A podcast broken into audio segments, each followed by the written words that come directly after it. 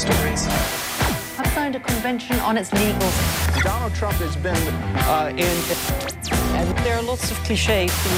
Japan's economy rebounded. Departure of flight to London Gatwick. John Carlin, bon dia. Bon dia, Roger, ¿qué tal? Molt bé, i tu? Bé, molt bé. Sí, ya empieza el calorcito, esa época del año eh, que para mí se define cuando abandono los calcetines durante tres meses y ya he llegado.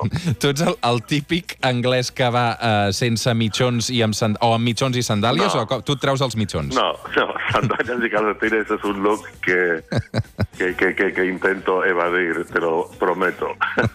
Fantàstic. Escolta'm, va, avui parlarem um, d'una història que jo crec que uh, no ens ha arribat a gaire gent, però, però crec que és molt interessant. Noemi Osaka. I mean, just thank you very much because I've never played like in an. És la veu d'una de les tenistes mundials amb més puntuació. Ara mateix ocupa la segona posició de l'Associació Mundial de Tenistes Femenina. Què ha passat amb aquesta dona? Perquè hi ha hagut eh, polèmica, no?, a, arran d'unes rodes de premsa. Què ha passat, John? Sí, muchísima polémica y, y ha sido noticia mucho, mucho, mucho en la prensa británica y americana. Aquí no tanto. Podemos estar seguros que en Japón ha sido la única noticia de la semana porque, bueno, eh, eh, el tema básicamente es que desató una gran polémica esta, esta chica de 23 años, Naomi Osaka, eh, al decir que no quería comparecer ante los periodistas, o sea, no hacer ruedas de prensa después de sus partidos, eh, que es una tradición, bueno, de, de absolutamente fija y antigua, y no solo en el tenis, en, en todos los deportes. Y, eh, y ha sido un- una historia que se ha, se ha ido desarrollando, evolucionando a lo largo de la semana, eh, con la gente inicialmente dividida entre aquellos que piensan que es una, una caprichosita, insufrible, millonaria, y otros que dicen pobre es una víctima de las presiones, las obligaciones que tienen que imponer. Bueno, y ella dijo que eh, tenía un problema de, salud mental, que después de ganar el Open de Estados Unidos en 2028 había sufrido muchas depresiones y que para ella eh, estas ruedas de prensa agudizaban eh, sus problemas de salud mental. Como digo, la gente se dividió. Rafa Nadal, por ejemplo, pero siempre él tan ecuánime, siempre mide bien sus palabras, pero al fin de cuentas dijo, niña, todos hacemos esto, la rueda de prensa, eh, tú también tienes que, que hacerlo. Bueno, en resumen, eh, las autoridades del tenis le amenazaron con sancionarla, no hizo su rueda de prensa después de su partido de la primera ronda de Roland Garros, el Open francés, ahora el lunes, le multaron, bueno, para ello una tontería, como 13.000 euros, y el día siguiente ella se autoexpulsó. Antes de que la expulsaran, digamos, se retiró del torneo. Y ahí es donde empezó a hablar de sus problemas de salud mental, y ahí es donde las autoridades del tenis empezaron a decir, uy, bueno, no, quizá sí, tenemos que pensar más en esto. Em, yo he ido evolucionando a lo largo de la semana, como digo, al principio pensé, a ver, niña, cállate, por favor, todo lo hacen, todo lo han hecho siempre, rueda de prensa tampoco es tan tremendo.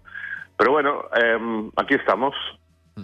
Home, és un debat molt interessant, no? Perquè, evidentment, si, si, si aquí hi ha un tema de, de salut mental, eh, és evident que la cosa canvia completament. L'altra cosa, si a ella no li ve de gust eh, contestar les preguntes dels periodistes, eh, doncs perquè, perquè no ho troba pertinent, i això és evident que formen part de la seva feina. Si aquí hi ha una cosa de salut mental, crec que l'argument mm, ja no té res a veure. Bueno, mira, no sé, yo tengo muchísimo respeto a los problemas de salud mental, mucho, mucho, los- lo, he visto en, en carne propia, no lo he sufrido yo, afortunadamente, pero em, uno se pregunta que quizá existe el riesgo de, banalizar el tema, si cualquiera que, no sé, se siente un poco incómodo, dice es un tema de salud mental, esta es una chica que, por cierto, em, en su rueda de prensa hasta ahora tenía fama de ser muy ocurrente, muy divertida, muy salada en la rueda de prensa, a diferencia de la gran mayoría de los tenistas que, bueno, dan ruedas de prensa aburridísimas. Pero bueno, em, aceptemos que, que tiene un problema y que las ruedas de prensa lo hacen mejor. Yo creo que lo más interesante es que puede ser que, mira, es imposible para nosotros entrar en, en la mente de esta chica y quizá aceptemos que sí, que, que- que le ha afectado mu- muy- mucho esto. Pero quizás lo más interesante es que empieza un debate y quizá esto sea el comienzo de una revolución y quizá, quizás sea que los tenistas y demás deportistas dejen de verse obligados a hacer estas comparaciones ante la prensa después de sus partidos, cosa que para mí como periodista más bien de, de periódicos quizá no sería tan grave, pero para vosotros que necesitáis audio en radio o televisión, em, pero va a ser interesante porque puede, puede ser el principio de un, de un cambio importante. Y, por ejemplo, ellos dirán, los deportistas, oye, tenemos ahora redes sociales, lo podemos comunicar a través de Twitter o lo que sea, y para qué tener que pasar este calvario, que para muchos obviamente lo es, de las ruedas de prensa. Mm. Sí, està clar que nosaltres per això amb, amb els tuits no, no ens conformem i, i, i no ens serveixen, si més no els periodistes. El que passa també és veritat que si parlem de tennis, que és un esport tan tan individual i sotmès a tanta pressió, a diferència d'un esport d'equip, que a vegades potser la cosa va una mica més repartida, no? Uh, Sí. També s'entén a vegades que, que els tenistes doncs, uh, no tinguin ganes doncs, de, de potser enfrontar-se Sí. després de cada partit a una roda de premsa fiscalitzadora, no? Sí, bueno, puede ser, pero también yo pienso, como te digo, yo, yo, yo soy, aunque, no sé, he, he cambiado mi forma de ver este tema a lo largo de la semana y le tengo un poco más compasión, aún guardo un poco de escepticismo, que es como somos los periodistas. Y yo me pregunto, si esta chica tiene problemas de depresión y salud mental, ¿qué carajo está haciendo compitiendo en el Open de Francia? Es el- máxima tensión, máxima presión jugar ahí estos partidos. Y yo diría que si uno es capaz de soportar esos duelos bajo el sol en este gran torneo mundial que lo está viendo millones y millones de personas, pues quizá, quizá tan mal no estés, ¿no? Digo yo.